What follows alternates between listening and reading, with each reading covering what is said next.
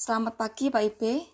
Malkan nama saya Enji Gracia Temi. Saya dari kelas 11 IPS 3 nomor absen 5. Hari ini saya akan mempresentasikan tentang alat musik barat yaitu klarinet. Klarinet ini ialah alat musik tiup. Apa itu klarinet?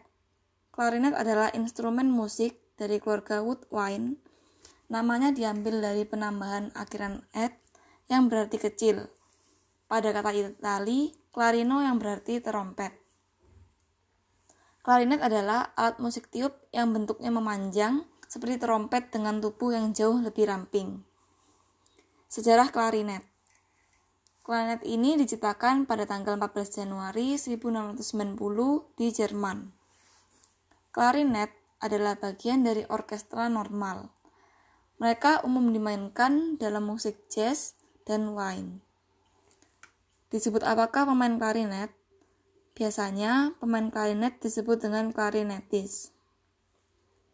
Ada beberapa pemain klarinet jazz dan pop, yaitu di antaranya adalah Paula Moura yang berasal dari Brasil, ada Andy Biskin yang berasal dari Amerika, dan ada Michael Marcus yang juga berasal dari Amerika.